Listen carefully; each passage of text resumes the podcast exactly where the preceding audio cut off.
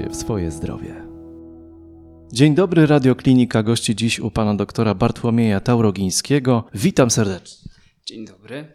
Doktorze, będziemy dzisiaj rozmawiać o dwóch zagadnieniach: e, o zaburzeniach opozycyjno-buntowniczych i buncie młodzieńczym. I od razu proszę pana o to, żebyśmy sobie rozróżnili te dwa zagadnienia, żeby nam się nie pomyliły potem w trakcie rozmowy, bo są to zupełnie inne rzeczy i warto by nasi słuchacze zrozumieli, na czym polega różnica. Mhm. myślę, że do tych dwóch terminów warto dodać jeszcze trzeci, który się jakoś blisko wiąże z tymi dwoma, e, będący taką, takim terminem klinicznym o nazwie zaburzenia zachowania. E, więc z takiej perspektywy czysto psychiatrycznej, z czym mamy do czynienia u dzieci i młodzieży, to są zaburzenia e, opozycyjno-buntownicze oraz zaburzenia zachowania będące niejednokrotnie uznawane za taki jeden worek zaburzeń, różniących się między sobą nasileniem objawów. W takim dużym skrócie można powiedzieć, że zaburzenia opozycyjno-buntownicze e, są bardziej charakterystyczne dla dzieci młodszych, które są właśnie buntownicze, mają w sobie dużo takiego nastawienia pełnego złości, e, kontestacji, które nie chcą się podporządkować pewnym normom społecznym, szczególnie autorytetom, rodzicom, nauczycielom. I gdy tego typu zaburzenia y, trwają dostatecznie długo, y, że y, trwają do okresu nastoletniości, to, być, to czasem zdarza się, że przekształcają się one w coś, co my nazywamy psychiatrzy zaburzeniami zachowania, będącymi mm, takim przypadkiem, w którym dochodzi już do jawnego łamania prawa, do tego, że młody człowiek y, wchodzi właśnie w konflikt z prawem, pije alkohol, bierze narkotyki, dopuszcza się jakichś rozbojów, y, ataków na innych ludzi, jest przepełniony agresją y, czy niedostosowaniem społecznym. Z drugiej strony, już nie psychiatrycznie, y, mówimy o takim normatywnym buncie młodzieńczym, czyli o sytuacji, w z którą y, często rodzice młodych ludzi zgłaszają się do terapeutów czy do lekarzy psychiatrów mm, z informacją taką, że no moje dziecko się buntuje, nie słucha, nosi dredy, um, chce mieć tatuaże, kolczyki, nie wiem, eksperymentuje w sferze seksualnej na przykład. I często rodzice są tym zmartwieni, bo mówią, że myśmy tak nie mieli, u nas był respekt, u nas było tak, że ojcu nie wolno było nic powiedzieć, a to, co ten nasz syn czy ta nasza córka w tym momencie wyrabia, to jest coś nienormalnego i my musimy z tym się zgłosić y, do terapeuty na przykład. I wydaje mi się, że mówimy dzisiaj o tym, y, o tych zagadnieniach z tego względu, żeby trochę podyskutować, jak te dwie rzeczy rozróżniać. Kiedy warto się martwić, a kiedy nie. Mm, kiedy warto korzystać z pomocy terapeuty, a kiedy niekoniecznie. Mm, no i chyba też po to, żeby uspokoić tych rodziców, którzy na co dzień borykają się z tego typu trudnościami i podpowiedzieć im, jak dalej należałoby postępować. Dokładnie. Y, tak sobie na początek, y, doktorze, pozwolę zacytować. Albert Camus, świadomość rodzi się wraz z buntem. E, to jest tak, że on ten bunt podniósł do czegoś e, wręcz no, na tyle zdrowego, że będącego naturalnym etapem naszego rozwoju, i ta świadomość młodego człowieka wtedy staje się jakby przyczynkiem do jego dojrzałości. No właśnie, tylko kiedy mamy bunt przez małe b, a kiedy przez duże b, żebyśmy odpowiedzieli, żeby Pan odpowiedział na to pytanie, właśnie kiedy należy to jeszcze traktować jako ten bunt, a, na, a, kiedy, kiedy są to zaburzenia już, z którymi trzeba się udać do specjalisty, bo bardzo dużo okoliczności pewnie ma tutaj wpływ na to, jak powinniśmy reagować. Dokładnie, dokładnie jest tak, jak, jak Pan to mówi. Ja bym chciał do tego dodać, do tego cytatu Kami, który, który pięknie to przedstawia, mm, że z takiej perspektywy rozwojowej człowieka niezwykle ważne jest to, żeby się odłączyć od rodziców e, i żeby zacząć funkcjonować w społeczeństwie jako mm, jednostka niezależna od e, wpływów rodziców. E, i u niektórych ludzi to się udaje bez bardzo nasilonego buntu, Z tego względu, że na przykład ta relacja z rodzicami jest na tyle zdrowa, dobra, bezpieczna przede wszystkim, że ten młody człowiek może się od rodziców oddalić i, e, i nie musi tego robić e, w sposób e, właśnie taki zbuntowany. Czasem jednak zdarza się tak, że te relacje rodzinne są czasem silniejsze niż można by się wydawać, niż mogłoby się wydawać. E, I ten młody człowiek, żeby móc się od rodziców oddalić i żeby móc zafunkcjonować właśnie jako ta niezależna jednostka, mm, musi działać w sposób taki, żeby rodzice mu na to pozwolili. E, musi mieć e, obszar i miejsce do tego, żeby właśnie eksperymentować w tych obszarach, kim jestem, czego chcę, co potrzebuję, kim chciałbym być, co chciałbym w życiu robić. I często właśnie dochodzi do tego, że te rzeczy, odpowiedzi na te rzeczy człowiek znajduje w odłączeniu od rodziców, a nie przy rodzicach. Mm, I tutaj odpowiedź na pytanie, kiedy się udać do psychiatry czy do terapeuty, nie jest łatwa. Z tego względu, że tak jak Pan wspomniał, tych okoliczności jest multum, e, wpływających na to, jak ten e, bunt przebiega. Ja w swojej praktyce spotykam się z rodzicami, którzy prezentują taką postawę, nazwijmy to, e, nadmiernego zaniepokojenia, e, czyli zgłaszają się do terapeuty czy do psychiatry z problemem, który nie e, urasta jeszcze do rangi klinicznej, czyli jest to przypadek powiedzmy tego chłopca w dreadach. Z drugiej jednak strony spotykam się z rodzicami, którzy zgłaszają się z problemem y, jakimś do, do psychiatry, i na sugestie psychiatry, że być może to już przekracza pewne normy, ci rodzice mówią: A, to jest zbuntowany młody człowiek, nie mam się co przejmować, ani albo a pan doktor nie ma racji, bo pan doktor nie ma dzieci, prawda? To pan nie wie, jak to jest. Trzeba mu dać się wychulać, trzeba mu pozwolić robić to, na co on ma ochotę. Czy tutaj, y, przepraszam, że się wtrącę, czy tu ma Pan na myśli y, na przykład taki moment, kiedy to, to, to, dziecko, ten młodzieniec zaczyna swoim zachowaniem wpływać na innych, czyli jakby ograniczać wolność innej osoby, krzywdzić kogoś, w sensie nie staje się to już tylko i wyłącznie jego światem i sprawą wewnętrzną między rodziną a nimi, tylko wpływa na innych. Pewnie wtedy Pan wkracza z interwencją i z takim zdaniem. Czy, czy dobrze rozumiem? Tak, tak. To, to z pewnością jest jedno z kryteriów, które możemy uznać za te, które wskazywałyby na to, że ten problem jest już problemem, który warto, yy, z którym warto się zgłosić po pomoc. Szczególnie jeżeli ten wpływ yy, młodego człowieka na na innych ludzi jest wpływem negatywnym. Czyli jeżeli tam się pojawia element yy, krzywdzenia innych ludzi, robienia przykrości innym ludziom, e, czy z perspektywy takiej e, wychowawczej, czy wręcz sądowej, jeżeli się pojawiają tam elementy demoralizacji młodego człowieka. Więc e, takim przykładem mogą być papierosy przed ukończeniem 18 roku życia albo pierwsze kontakty z marihuaną. Możemy mieć dwie postawy rodziców. Rodzica, który Y, powie, że, y, że absolutnie to jest niedopuszczalne, a jest rodzic, który powie, że to są te błędy młodości, na które należy młodeko, młodemu człowiekowi pozwolić. I w obydwu przypadkach należy się zastanowić, na ile ten rodzic jest świadomy tego, y, co ten młody człowiek sobie robi, paląc te papierosy, czy sięgając po marihuanę, czy, czy nawet po, po, po jakieś cięższe narkotyki i czy ci rodzice są świadomi ryzyka i niebezpieczeństw z tym związanych? Bo jeżeli są, a się jednak na to decydują, żeby dziecku na to pozwalać, to wydaje się, że to jest lepsze, lepsze rozwiązanie niż negowanie tego ryzyka i niebezpieczeństwa i mówienie, że, że młody człowiek, że młodość ma swoje prawa, jak to często rodzice y, zdają się mówić.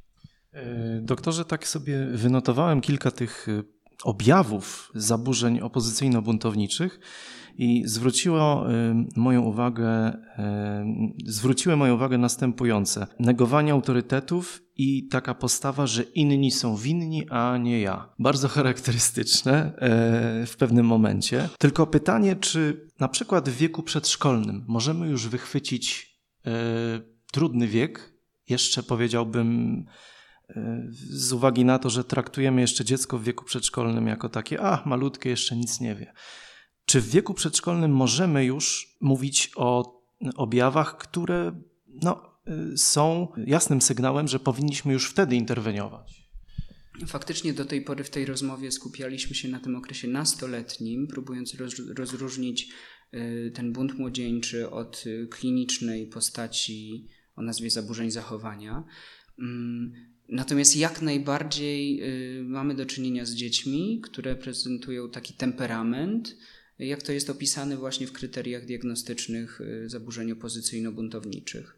Y, czyli zdarza im się reagować agresywnie, y, są wiecznie na nie, tak to nazwijmy, y, mają trudności z przystosowaniem się do autorytetu pani w przedszkolu czy do jakiejś grzecznej zabawy z innymi dziećmi.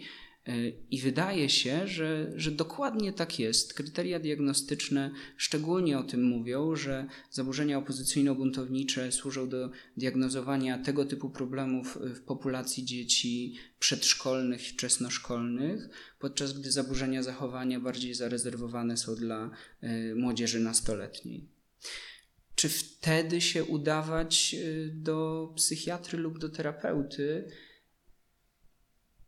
Pytanie, jak rodzice sobie radzą z takim temperamentem dziecka y, i czy ich, czy ich sposoby wychowawcze, czy, czy, jaka je, czy, czy ich relacja z dzieckiem y, jest na tyle zdrowa i fajna, że z tego temperamentu y, złośliwego dziecka E, nie wynika nic e, wtórnego, czyli nie pojawiają się skrajnie nasilone trudności rówieśnicze, e, dziecko nie wpada, dziecko nie ma zaburzeń nastroju, jakiegoś smutku z powodu tego, że jest nielubiane w szkole na przykład. Więc jeżeli ogólnie dziecko funkcjonuje dobrze, to myślę, że to nie jest jeszcze wskazanie do tego, żeby szukać fachowej pomocy. Tu można się zwracać o pomoc do nauczycieli, do przedszkolanek, e, do, do babci, cioci, jak, e, jak to dziecko wychowywać nieco lepiej, żeby, żeby mu pomóc. Natomiast w tych bardziej nasilonych przypadkach zalecałbym konsultację z psychologiem dziecięcym. Czyli jakby dopóki w rodzinie i w środowisku szkolno, powiedziałbym, otoczeniu w tej wczesnej socjalizacji, dopóki E, jeszcze sobie radzimy i e, są efekty tych naszych, e, tych, tych naszych środków, które stosujemy. Czy to będzie no, kara, nagroda, oczywiście wszystkie środki wychowawcze.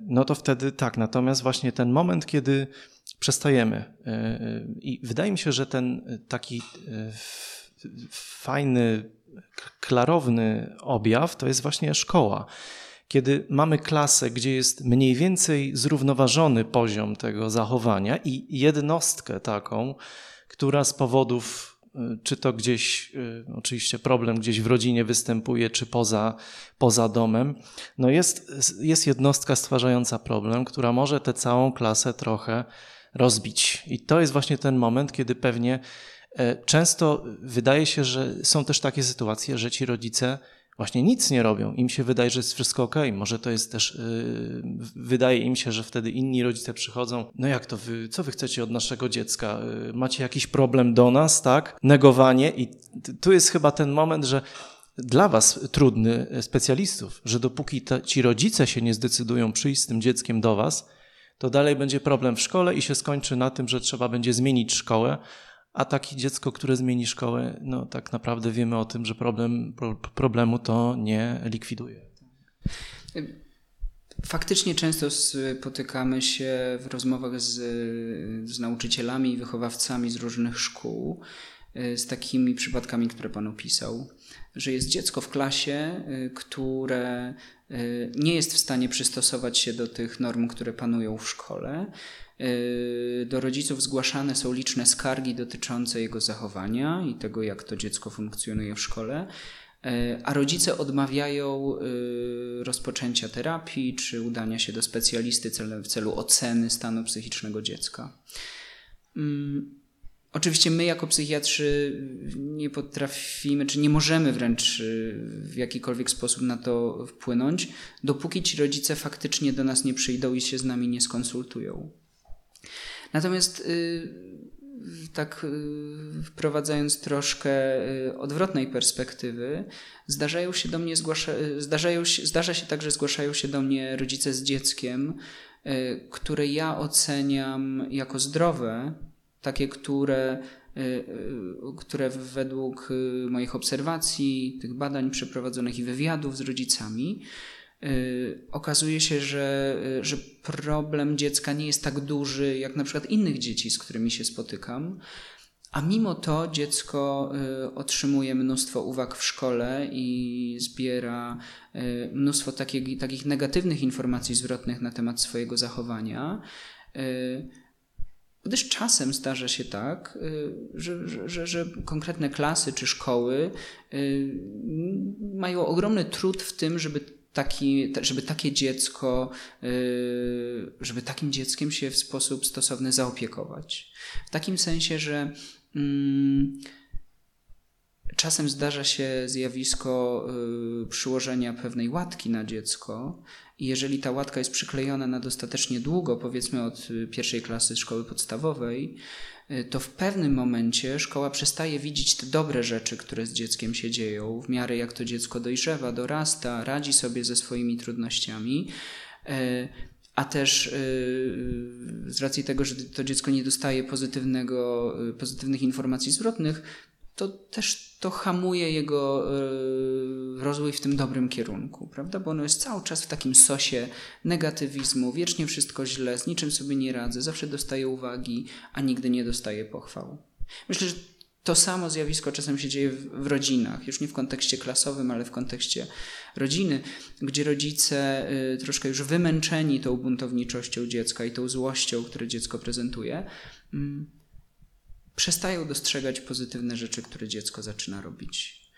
Albo w ogóle nie, że zaczyna, ale że zawsze je miało, że zawsze miało taki fragment sympatyczny, ciepły, dobry, e, na którym można się skupić, który można chwalić i dzięki czemu można sprawiać, że to dziecko tą swoją część sympatyczną, dobrą będzie pielęgnować, a e, w większym stopniu skupiają się na tej trudnej części doprowadzając do sytuacji, że dziecko jest wielokrotnie y, karcone, zwracana jest mu wiecznie uwaga o pewne rzeczy, y, a to potęguje u dziecka poczucie nieadekwatności bycia kimś, kto jest nie wiem, niestosowny, nie daje sobie rady z wymaganiami, które stawia życie.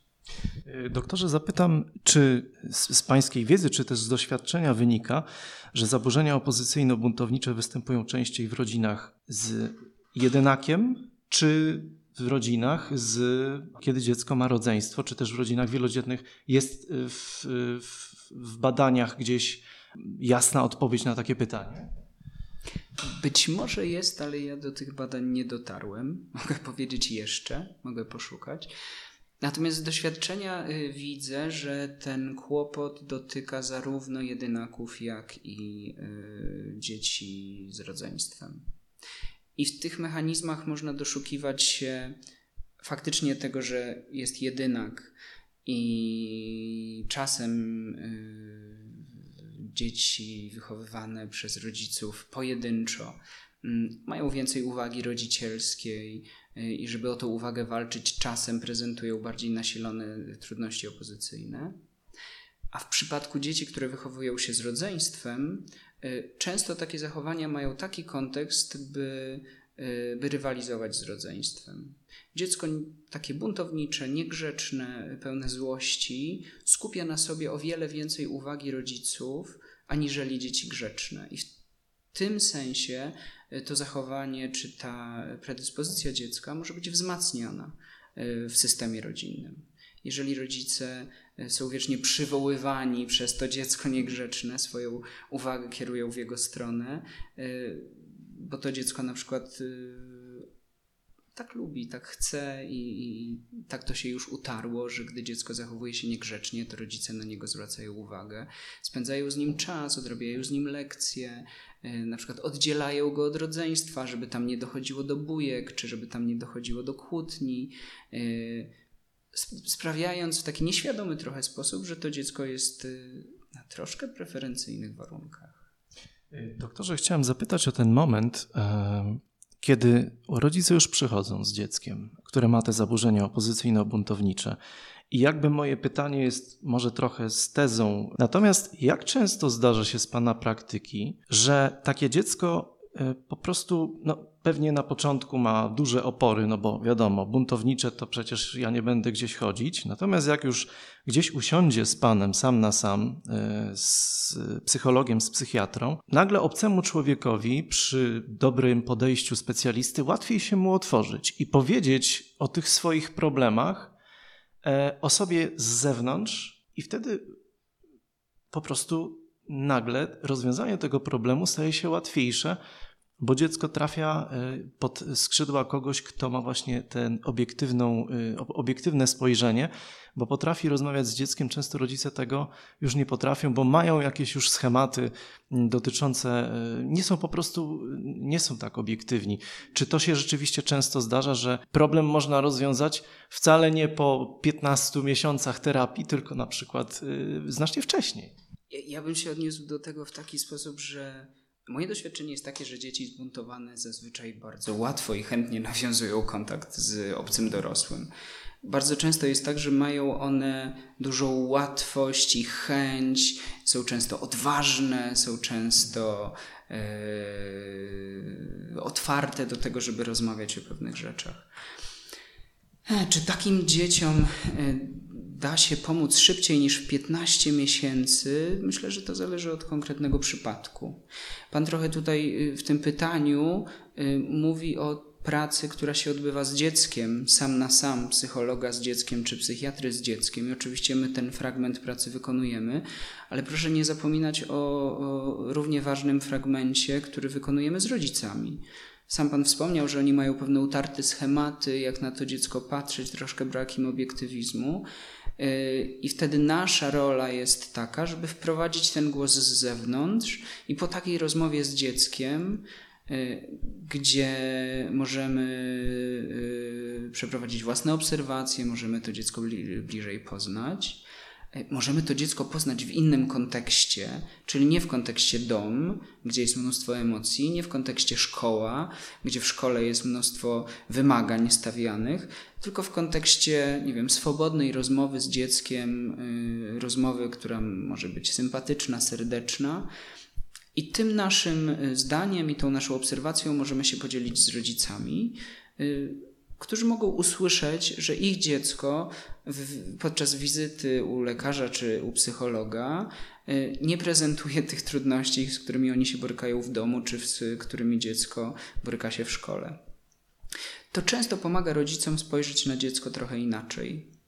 I jakby nie było, proszę pamiętać o tym, że lekarz, psychiatra czy, czy psychoterapeuta y, pracują z dzieckiem i z rodziną w settingu y, raz w tygodniu przez godzinę. A jeżeli mamy do czynienia z terapeutą rodzinnym, to raz y, w miesiącu przez godzinę. E, a zmiana się dzieje w relacji rodzice-dziecko. I jeżeli my rodzicom przedstawimy pewne wskazówki, jak należa, jakie następne kroki należałoby podejmować, na co należałoby zwracać uwagę, y, co można byłoby zmienić w domu, y, to dopiero to pracuje przez te wszystkie pozostałe 23 godziny, tak, symboliczne, y, w domu, w relacji rodzic-dziecko. To jest niezwykle ważne, co Pan powiedział o tym, że to zbuntowane dziecko ono ma więcej odwagi i łatwiej mu się przełamać. Jest to coś, co ja też zauważyłem, kiedy podszedłem do dziecka y, znajomych z wielodzietnej rodziny, tego jednego zbuntowanego i byłem wręcz onieśmielony inteligencją dziewczynki chyba trzynastoletniej, tego wydawało mi się, że, że no, będę miał do czynienia z y, nadpobudliwą, niedojrzałą nastolatką. Okazało się, że ona jest dwa, trzy lata chyba starsza emocjonalnie, e, dojrzalsza od rówieśników. Co więcej, sama sobie z tego zdawała sprawę i powiedziała mi, że Psycholog mi powiedział, że ja jestem nad wyraz dojrzała. Natomiast chciałem zapytać na koniec, bo o tym przełamaniu dziecka to w tym wypadku nie mamy problemu, tak jak pan powiedział, ale przełamanie rodziców. Wydaje mi się, że to jest też równie ważne dla was, żeby to pokonać, ponieważ tacy rodzice, którzy oczywiście mają swoje obowiązki, Słyszą od otoczenia, słyszą ze szkoły, jest problem z dzieckiem, sami mają ten problem i czują porażkę. Czują się też głęboko urażeni i, i niosą ze sobą ten krzyż tego, że jejku, nie poradziliśmy sobie. Pewnie waszą rolą też wielką w pracy z rodzicami jest to, żeby przełamać, y, no, oprócz takich sytuacji, gdzie jest ewidentne zaniedbanie, ale pewnie takich jest mniej, no, że to nie jest wasza porażka. To jest właśnie wasz sukces, że przyszliście do mnie i będziemy teraz nad tym pracować i możemy nie tyle jeszcze spowodować, że to dziecko dogoni rówieśników, będzie równie e, posłuszne, ale możemy też wykorzystać te cechy dziecka i spowodować, że ono będzie jeszcze zdolniejsze. Tak. Pan, pan wskazuje na bardzo fajną rzecz i taką ważną, którą często e, rodzicom warto o tym przypomnieć, że oprócz tego, że ich dziecko może być zbuntowane, czy może mieć problemy z zachowaniem, to bardzo często się zdarza właśnie tak, że te dzieci, dzieci są bardzo bystre, odważne, czyli mają tą swoją dobrą, fajną część, na której można y, się skupić, na której można pracować. Jeżeli chodzi o rodziców, którzy doświadczają y, takiego zalewu y, negatywnymi informacjami na temat dziecka ze strony właśnie babci, cioci, nauczycielki, innych dzieci, faktycznie ci rodzice mogą nabrać przeświadczenia, że są złymi rodzicami albo że doznają pewnej porażki rodzicielskiej. I dla nich przyjście do lekarza psychiatry y, wiąże się z przyznaniem do tego, prawda? Że myśmy faktycznie zawalili do tego stopnia, że nasze dziecko w tym momencie potrzebuje lekarza psychiatry. A jak to u nas w Polsce bywa, lekarz psychiatra, prawda, y, ma niezbyt dobrą y, sławę w społeczeństwie. I faktycznie jest tak, że, że naszą rolą lekarzy psychiatrów czy terapeutów, psychologów jest wesprzeć rodziców w ich trudzie rodzicielskim, y, stworzenie z nimi y, pewnej relacji opartej na współpracy, na wspólnym dążeniu do celu, a tym celem oczywiście będzie pomoc dziecku i z doświadczenia widzę, że to jest pierwszy krok, który należy wykonać w pracy y, z rodzicami. Czyli trzeba zobaczyć ten ich trud, trzeba y, uznać, y, że, że mają to poczucie porażki. Wydaje się, że na początku w większym zakresie należy ich wspierać, aniżeli konfrontować z ich błędami, bo dopiero na podłożu tej pozytywnej relacji terapeutycznej z rodzicami, kiedy kiedy rodzice będą e, czuli się bardziej bezpieczni, e, poczują jakiś rodzaj sympatii do lekarza, mm, stwierdzą, że, że warto mu się zwierzyć z pewnych rzeczy, dopiero wtedy można delikatnie rodzicom zacząć wskazywać na te obszary, w których oni zawodzą, e, żeby oni się nie wystraszyli i żeby nie pogłębić w nich tego poczucia porażki. I próbować to przeformułować jako w taki sposób, że to jest jakaś zmiana, transformacja, y, bez indukowania poczucia winy w rodzicach. Nie indukujemy poczucia winy, zatem bardzo dziękuję doktorze za rozmowę, bardzo ciekawą, interesującą. Mm, dziękuję Państwu również i Panu jak najbardziej. Dziękuję.